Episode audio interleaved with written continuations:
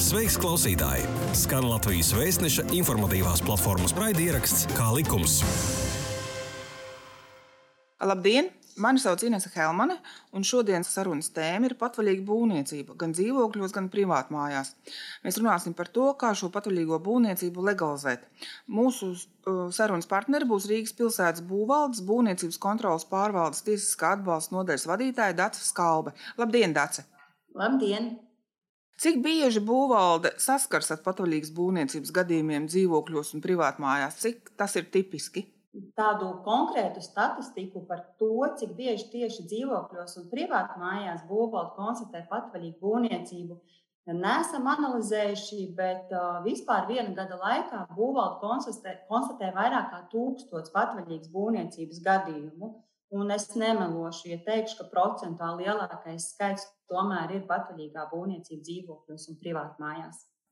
Sakiet, ko vispār dzīvoklī vai privātmājā var būvēt, remontēt pats saimnieks, lai viņam nevajadzētu nekādu saskaņojumu ne ar būvvaldi, ne ar kaimiņiem? Um, Būvnoteikumi paredz vairākus gadījumus, kad nav nepieciešama dokumentācija, piemēram, interjeru projektu īstenošanai vai logu nomaiņai, ja netiek veikti citi darbi un tiek ievēroti ēku būvnoteikumu nosacījumi attiecībā uz arhitektonisko risinājumu un citi normatīvā minētās, citas normatīvā minētās detaļas. Tāpat ēkas lieveņa, ārējo kāpņu, ārējo jumtūdeņu novada sistēmu atjaunošana, ja netiek veikti citi darbi, ārdurvju atjaunošanu un nomaiņu, neveicot citus fasādes būvdarbus, ja tiek nodrošināta atbilstīga ēkas, ēkas koptēlam.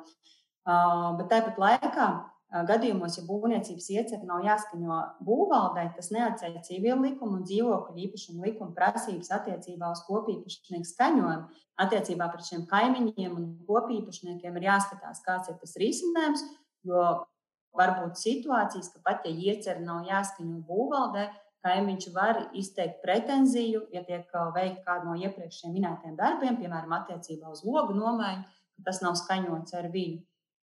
Lai gan nu, nu, manā ieskatā, ja es nomainu logu pret to pašu, pret kuru esmu, kāds bija iepriekš tikai jauns, nu, tad dzīvokļu īpašniekiem pārējiem arī nevajadzētu um, būt iebildumiem, jo es uh, šo fasādes koptēlu neizmainu. Bet nu, mēdz būt dažādi, protams. Sāksim varbūt ar privātmājām.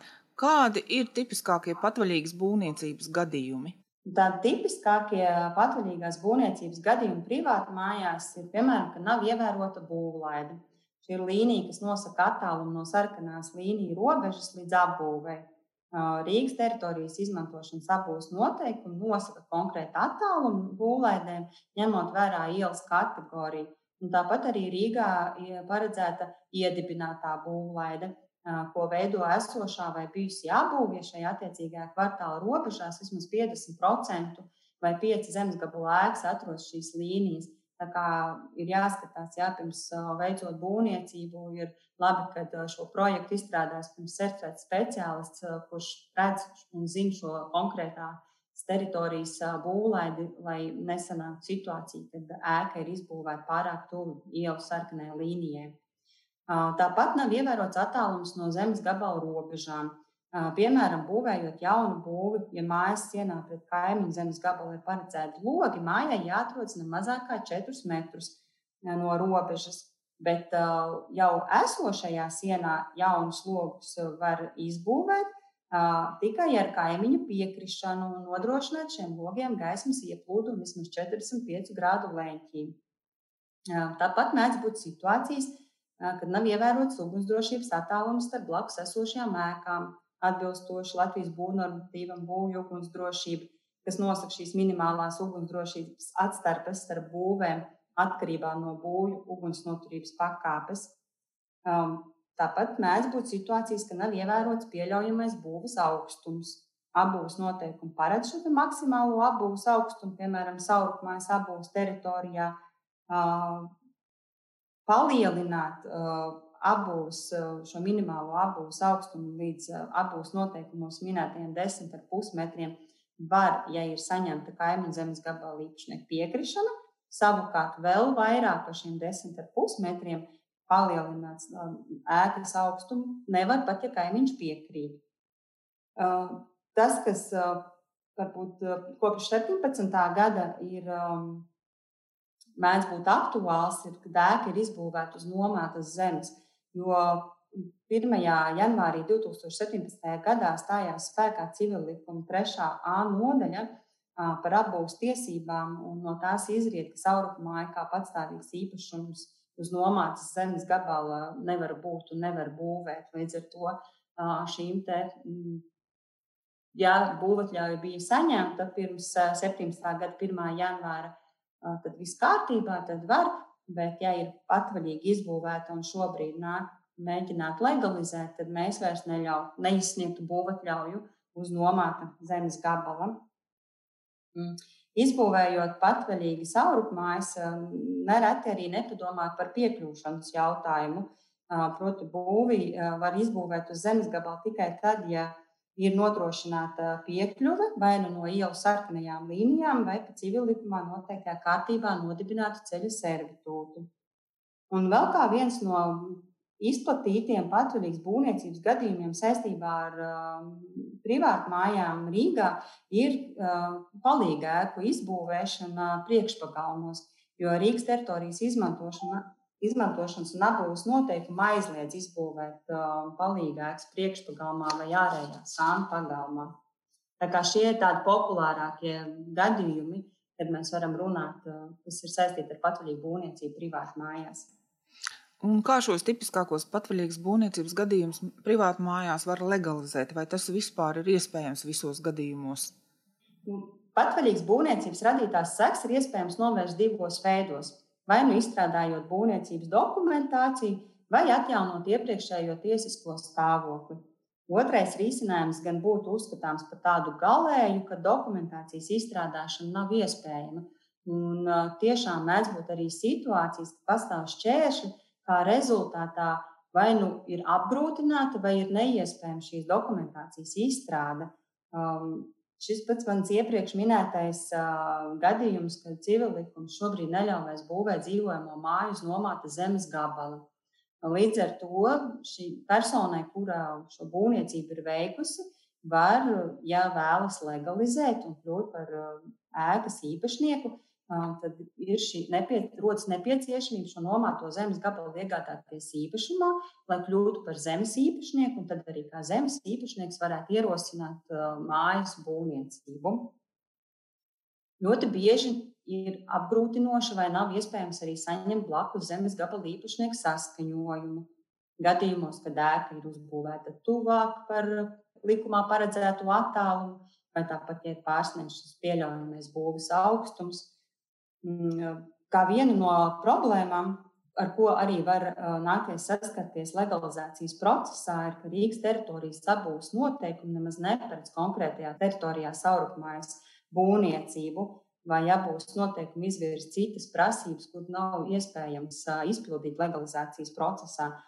Proti, tāpat iepriekš minētā būvlaide, šis maksimālais būves augstums, maksimālais stāvu skaits Jo var būt situācijas, tiešām, kad cilvēks būvējot, ir pārcenties gan ar šo attālumu no sarkanajām līnijām, gan ar būvniecības augstumu. Un tad pat, ja kaimiņš skaņos, šis skaņojums var neko nelīdzēt, jo abos noteikumi nemaz nepieļauj šo situāciju, kāda ir dabā izbūvēta. Un sakiet, ko tad tas mājas īpašnieks dara, ja viņš saprot, ka viņš patvaļīgas būvniecības gadījumu nevar legalizēt?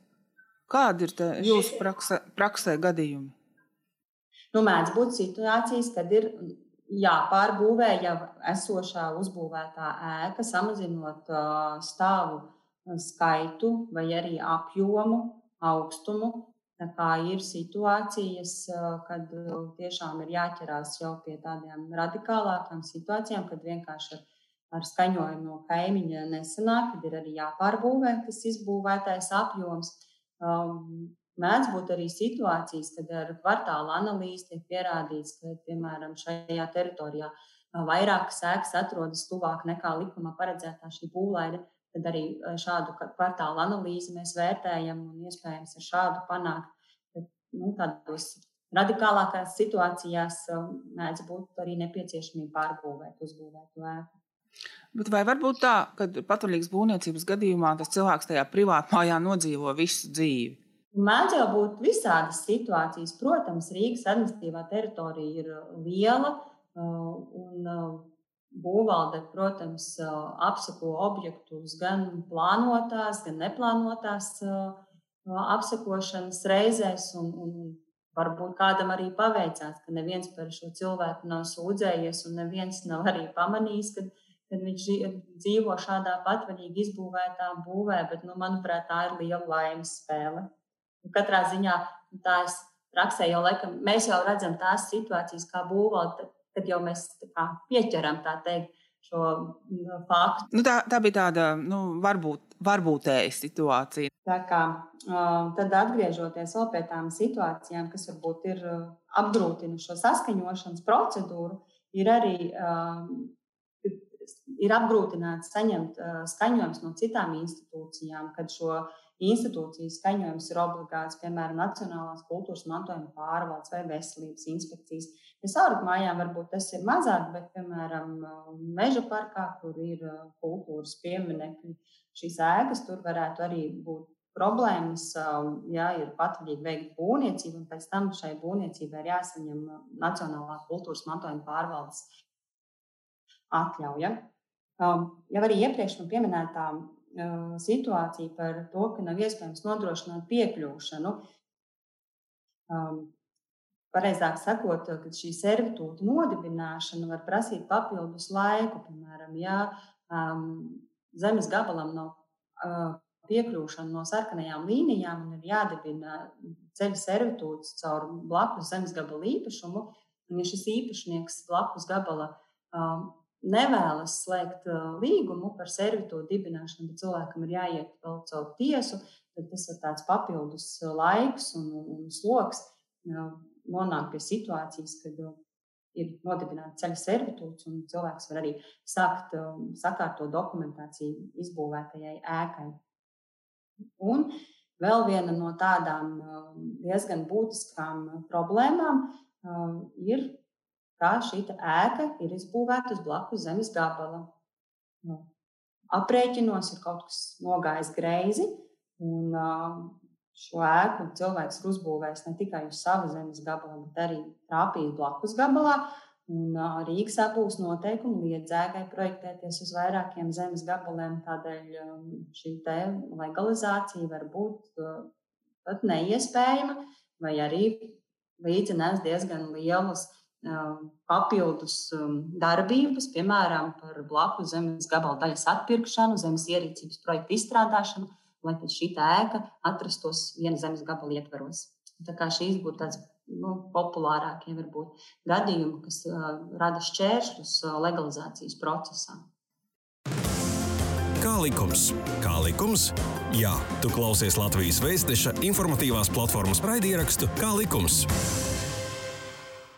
Un kādi ir populārākie gadījumi patvaļīgas būvniecībā dzīvokļos, ar ko saskaraties? Par dzīvokļiem gribētu teikt, ka varētu runāt ļoti daudz un dikti. Mēģināšu īsi un konkrēti uzskaitīt tos tipiskākos gadījumus viens no vistipiskākajiem gadījumiem, kur um, dzīvokļu īpašnieki nu, mēdz nenākt uz būvvaldi, pirms tam saskaņot dokumentāciju ar nenesošo starp, starpsienu demontāžu vai būvniecību. Visklasiskākie gadījumi ir sanmezglu apvienošana vai virtuves apvienošana ar dzīvojamo istabu. Tāpat ļoti izplatīts būvniecības gadījums ir sanmezglu paplašināšana, kas ir vai nu uz nedzīvojamo vai dzīvojamo telpu rēķina. Tāpat bieži bez dokumentācijas dzīvoklim tiek pievienota daļa no koplietošanas telpas, vai dzīvokļa pārbūves rezultātā no dzīvokļa tiek atdalīta telpas daļa, kas kļūst par koplietošanas. Praksē tie ir visbiežāk ir gadījumi par koplietošanas toaletes vai tā saucamās ratiņu telpas pievienošanu, kā arī bērniņu vai pagrabu telpu pievienošanu dzīvokļu īpašumam Savukārt jauna koplietošanas telpa izveidojas, piemēram, sadalot vienu dzīvokli vairākos, un, lai panāktu Latvijas būvnormatīvam par dzīvojamām ēkām atbilstoši iekļūšanu dzīvokļos, proti, būvnormatīvs pasaka, ka pieeja dzīvokļi ir jābūt no koplietošanas telpām. telpām, tad sadalāmā, no šī sadalāmā dzīvokļa tiek izveidota atsevišķa telpa, un līdz ar to tā kļūst automāts par koplietošanas. Tāpat diezgan bieži mēs konstatējam, ka bez būvniecības dokumentācijas tiek nojauktas arī nesošās konstrukcijas, vai nesošajās konstrukcijās tiek izveidota jauna aila. Ļoti bieži konstatējam arī loģijas iestiklošanu patvaļīgi veiktu gadījumos, kad mājā jau ir saskaņot visu šīs mājas loģijas iestiklojuma skici, tad jaunas būvniecības dokumentācija nav jāizstrādā, bet ir jāinformē būvvalde, ka šī loģijas iestiklošana tiks veikta pēc būvvaldē saskaņotās ieceres, bet šo gadījumu, kad ir, nav tik daudz, un bieži vien mēs konstatējam, ja, ka loģijas tiek iestiklotas patvaļīgi. Tāpat arī tiek patvaļīgi pievienotas loģija telpas dzīvojamai telpai, lai panāktu lielāku šo dzīvojamās telpas platību. Tāpat nereti būvvalde konstatē, ka patvaļīgi ir mainīta dzīvokļa īpašuma funkcija. Piemēram, no dzīvojamās funkcijas uz biroja telpām, ārstniecības telpām, mazumtirdzniecības telpām un tā tālāk. Tad, kā es iepriekš minēju, kad logu nomaiņai varbūt nevajag, nav vajadzīga dokumentācija, bet, piemēram, logu nomaiņai, mainot izmēru, dalījumu, krāsojumu un tam līdzīgi, būvniecības dokumentācija ir nepieciešama. Un mēs arī konstatējam bieži, ka šī logu nomaiņa, mainot logu dalījumu, izmantoto materiālu, tiek veikta bez būvvaldē saskaņotas dokumentācijas. Un šeit arī gribu piebilst, ka vērā ņemams apstākļus, ka mainot logus vēsturiskajā centrā, uh, ir jābūt ļoti uzmanīgiem, jo ir jānodrošina atbilstība ēkas stilam, arhitektoniskajam risinājumam un koptēlam. Un tad vēl tādas uh, arī klasiskas uh, lietas, kas ir saistītas ar dzīvokļu īpašumu, Ir gan nelikumīga apkuras sistēmas izbūve, gan nelikumīga ventilācijas kanāla izbūve un kondicionēšanas iekārta izbūve. Un, um, te ir jāņem vērā apstākļus, kad uh, vienkārši piemēram, radiatoru maiņa ir iekšējo inženieru tīklu būvniecība, kas nav jāskaņo būvvaldē, uh, taču šai būvniecībai tāpat ir nepieciešama izstrādāt uh, certificēta būvinženieru tehniskā schēma. Būvvaldē ir tiesības apsakojot objektu, lūgt uzrādīt šo tehnisko schēmu. Tāds, ja šī schēma dzīvokļu īpašnieku rīcībā nav, tad būvvalde arī var uz, uzsākt patvaļīgas būvniecības lietu. Un tāpat arī pārbūvējot visu šīs apkurses sistēmas, ventilācijas kanālus, kondicionēšanas iekārtas, ja tā ir jauna būvniecība, ir ļoti arī svarīgi saprast, kāda dokumentācija tad ir nepieciešama. Jo, piemēram, ja šie, šo sistēmu kanāli nesošajās sienās tiek izbūvēti lielāki par 50 mm, tad šādos gadījumos ir nepieciešams izstrādāt būvprojekts. Un vēl vērā arī ņemams ir apstākļis, kad mainot apkuras sistēmu, savādāk nekā ir visā ēkā, tad būvniecības dokumentācija ir jāskaņo ar visiem kopīpašniekiem. Un vēl būtiski Rīgā ir pieminēta, ka abos noteikumi paredz, ka satelīta antenas, ventilācijas sistēmas un citu tam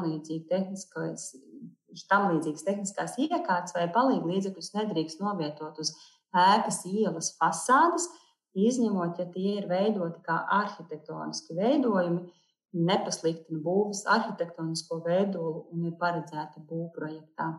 Šīs būs laikam tās klasiskākās patvaļīgās būvniecības iezīmes, ko mēs konstatējam dzīvokļu īpašumos. Interesanti, ka noteikumi par Latvijas būvniecību nosaka, ka, piemēram, vajadzīgs saskaņojums ar apakšējā dzīvokļa īpašnieku, ja ierīko vai pārvieto sanitāro mezglu, bet, piemēram, virtuves ierīkošanai vai pārvietošanai šāds saskaņojums nav vajadzīgs. Līdz ar to es gribēju jautāt, kāda saskaņojuma vispār ir vajadzīga, lai legalizētu jūsu iepriekš minētos būvnie, patvaļīgas būvniecības gadījumus? Lai sakārtotu dokumentāciju patvaļīgi veiktiem būvdarbiem dzīvoklī, uh, ir nepieciešams izstrādāt dokumentāciju. Vienkāršākajos gadījumos tā būs apliecinājuma karte vienkāršotai atjaunošanai. ja nav, netiek skartas nesošās konstrukcijas, ja netiek skartas fasādes, koplietošanas, citas nu, šīs nesošās konstrukcijas un tā tālāk. Tāpat funkcijas maiņai var tikt izstrādāts paskaidrojuma raksts, vai arī nepieciešams ir izstrādāt būvprojektu un saņemt būvatļauju. Un tad atkarībā no šiem veiktajiem darbiem ir nepieciešams saņemt saņēmumus arī ar trešajām personām. Katra būvniecība ir individuāls gadījums, un tāpēc ir tā ļoti grūti uzskaitīt varbūt tādus klasiskus um, gadījumus, ar ko tad katra iecerē jāsaskaņo. Mm, taču es varu aprakstīt izplatītākās situācijas, un, kas var radīt šķēršļus būvniecības dokumentācijas izstrādāšanai. Un pirmais un galvenais, kas var radīt šķēršļus, noteikti ir saskaņojuma saņemšana no kopīpašniekiem. Um, vairākums, kā mēs sakām, 50 plus 1 procents dzīvokļu īpašnieku skaņojumu, ja pārbūves skar nesošās konstrukcijas vai skar ēkas fasādi un jumtu. Um, tāpat ir problemātiski, vēl problemātiski, kā gribētos teikt, saņemt šo simtprocentīgu skaņojumu, ja pārbūves rezultātā mainās kopīpašniekiem piedarošās domājamās daļas. Tas ir tajās situācijās, kad es minēju, kad tiek vai nu pievienotas koplietošanas telpas dzīvoklim, vai pārbūves rezultātā no dzīvokļa izveidojās telpa, kas kļūst par koplietošanas. Tad šādos gadījumos uh, mainās kopīpašniekiem piedarošās domājamās daļas, un dzīvokļu īpašuma likums paredz simtprocentīgu piekrišanas saņemšanu no visiem dzīvokļu īpašniekiem. Jūsu minētais gadījums par šī apakšējā dzīvokļa īpašnieka piekrišanu, jā, kad sanmezgla izvietošana notiek virs apakšējā dzīvokļa dzīvojamās telpas, arī jūs pareizi minējāt, ka būvnormatīvs paredz tikai piekrišanu sanmezgla izbūves gadījumā, savukārt virtuves izbūves gadījumā, ja virtuve tiek izvietota virs apakšējā dzīvokļa dzīvojamām telpām, tad šādu skaņojumu apakšējā dzīvokļa īpašnieki neprasa. Tāpat arī blakus esošā dzīvokļa īpašnieka piekrišana var būt vajadzīga, ja dzīvokļa pārbūves skar blakus esošo dzīvokļu īpašumu. Tad, kā arī viena no problēmām, ko var saskarties dzīvokļu pārbūves um, legalizācijas procesā, ir telpu funkcijas maiņa līdz apbūves noteikumos paredzētie liet, paredzēties lietošanas veids. Nu, piemēram, ēkā, kur ir patvaļīgi izveidoti biroji, atbilstoši apbūves noteikumiem var būt tikai izglītības iestāde, vai ēkā, kur ir izvietota viesnīca, iespējams atrasties tikai bibliotekai. Tā kā jā, paredzētā funkcija konkrētajā vietā nav atļauta, nu, tad arī tas legalizācijas process ir sarežģīts. Tāpat, ja mainīta funkcija, tad varbūt ir nepieciešama atsevišķa ieeja. Piemēram, biroja telpas nevar atrasties ēkas augstākos stāvos, paredzot iekļūšanu birojā pa to pašu kāpiņu telpu, kur pārvietojas dzīvojamās mājas iedzīvotāji. Um, ļoti būtisks apstākļus um, patvaļīgas būvniecības um, legalizācijas procesā ir vispār ēkas tehniskais stāvoklis. Jo, piemēram, demontējot nesošās konstrukcijas, var tikt radīts tāds apdraudējums ēkai, ka būvniecības dokumentācijas izstrādāšana vispār nav iespējama. Un vienīgais risinājums ir atjaunot iepriekšējo stāvokli. Tāpēc ļoti ir svarīgi pārliecināties arī par ēkas tehnisko stāvokli, pirms mēs ķeramies klāt pie kādas nesošo konstrukciju demontāžas. Ja. Jau iepriekš minēju, un vēlreiz gribu atgriezties pie abūs noteikumu prasībām, kas varētu būt šķērslis dokumentācijas sakārtošanai. Piemēram, mainot funkciju no dzīvojamās telpu grupas uz publiska rakstura telpu grupu, abūs noteikumi paredz nepieciešamību pēc autostāvvietas, taču konkrētajā zemes gabalā, uz kur atrodas ēka, tas nemaz nav iespējams. Tāpat kā pie privātu mājām, tāpat arī un pat biežāk tieši pie um, patvaļīgas būvniecības dzīvokļu īpašumos var apgrūtināt vai padarīt pat neiespējamu dokumentācijas sakārtošanu, ja nevar saņemt nepieciešamo saskaņojumu no kompetentām institūcijām. Piemēram, tāpat Nacionālā kultūras mantojuma pārvalde, jēga ir kultūras piemineklis, vai veselības inspekcijas, ja telpa mainītā funkcija, piemēram, saistīta ar ēdināšanas funkciju. Ja nesaņemot šo institūciju saskaņojumu, tad delegalizācijas process arī nebūs iespējams. Un dažkārt legalizēt patvaļīgi veiktos darbus dzīvoklī liedz arī nespēja nodrošināt Latvijas būvnormatīvu prasības, piemēram, attiecībā uz telpu augstumu. Jo Latvijas būvnormatīvs par dzīvojamām ēkām nosaka, ka dzīvojamās ēkas stāva minimālais augstums no tīrās grīdas atzīmes līdz pārseguma konstrukcijas apakšējai virsmai ir vismaz 2,5 metri. Līdz ar to, ja patvaļīgi veiktā būvniecība neatbilst Latvijas būvnormatīvu prasībām, atkal šī dokumentācijas saskaņošana ir neiespējama. Tāpēc noteikti es aicinu vienmēr tomēr izstrādāt šo dokumentāciju, vērsties pie certificētiem speciālistiem, lai konstatētu, kādu dokumentāciju uh, ir vajadzīga un kādi ir šie nosacījumi, lai nenonāktu pie rezultāta, kad uh, ir izdarīts patvaļīgi, un pēc tam dokumentācijas sakārtošana nav iespējama. Un sakiet, kādas ir sankcijas patvaļīgas būvniecības konstatēšanas gadījumā? Nu, veicot patvaļīgu būvniecību, īpašnieks pakļauj sev vairākām iespējamām sankcijām. Pirmkārt, jau tā ir administratīvā atbildība. Šobrīd būvniecības likumā ir iekļauti panti, kas paredz administratīvu atbildību par dažādiem pārkāpumiem būvniecības jomā. Piemēram, ja būvdarbi tiek veikti pirms būvotļaujā, ir saņemta atzīme par projektēšanas, par izpildītiem projektēšanas nosacījumiem, fiziskai personai var piemērot naudas sodu līdz 400 naudas soda vienībām. Proti, tie šobrīd ir 2000 eiro. Otrakārt, konstatējot patvaļīgu būvniecību, būvvalde pieņem lēmumu par patvaļīgas būvniecības radīto seku novēršanu. Šajā administratīvajā aktā būvvalde nosaka termiņu, kādā patvaļīgās būvniecības radītās sekas ir novēršamas, un gadījumā, ja šajā lēmumā noteiktajā termiņā uzliktais pienākums nav izpildīts, tad būvvalde var piemērot administratīvā procesa likumā paredzēto piespiedu naudu. Minimālā piespiedu nauda fiziskai personai ir 50 eiro, bet maksimālā 5000 eiro.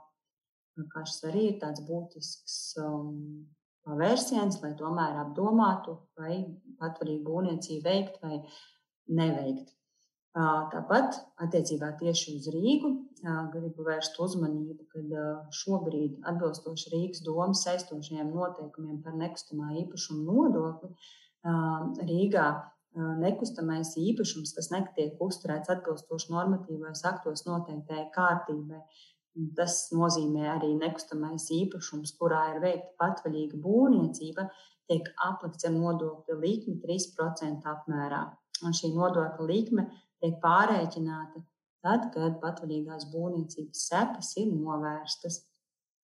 Un ceturkārt, arī tieši Rīgā ir spēkā saistošie noteikumi par pašvaldības nodevu par būvotļaus izdošanu un aprēķinot būvnodevu, tiek piemērots koeficients 5, ja būvdarbi ir uzsākti pirms būvotļaus izsniegšanas vai pirms atzīmes izdarīšanas būvotļaujā par projektēšanas nosacījumu izpildi. Piemēram, ja parastā situācijā, kad cilvēks nāk pēc būvotļaujas un būvdarbi nav veikti šī būvnodeva būtu piemēram 100 eiro, tad, ja šie būvdarbi būs veikti pirms jau būvotļaus saņemšanas, tad šie jau būs 500 eiro būvnodeva.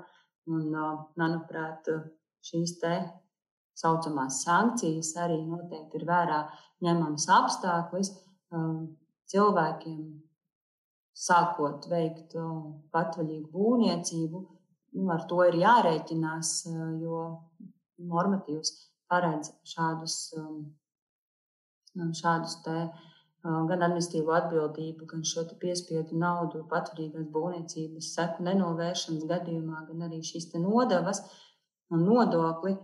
Tie ir apstākļi, kur ir jāvērtē un, un kurus es arī aicinu ņemt vērā, aicinu izstrādāt dokumentāciju pirms mēs ķeramies pie būvdarbiem, lai būtu droši un, un, un lai sevi nepakļautu arī nevajadzīgām problēmām. Paldies par sarunu! Atgādinu, ka saruna bija par patvaļīgu būvniecību dzīvokļos un privātmājās, un par to stāstīja Rīgas pilsētas būvvaldes būvniecības kontrolas pārvaldes tiesiskā atbalsta nodaļas vadītāja Dācis Skalbe. Šī bija iknedēļas pusstunda kopā ar oficiālā izdevēja Latvijas vēstneses informatīvās platformas raidierakstu Kā likums. Pastāsti citiem, ja bija noderīgi un interesanti. Kā likums, tiekamies ik trešdienu!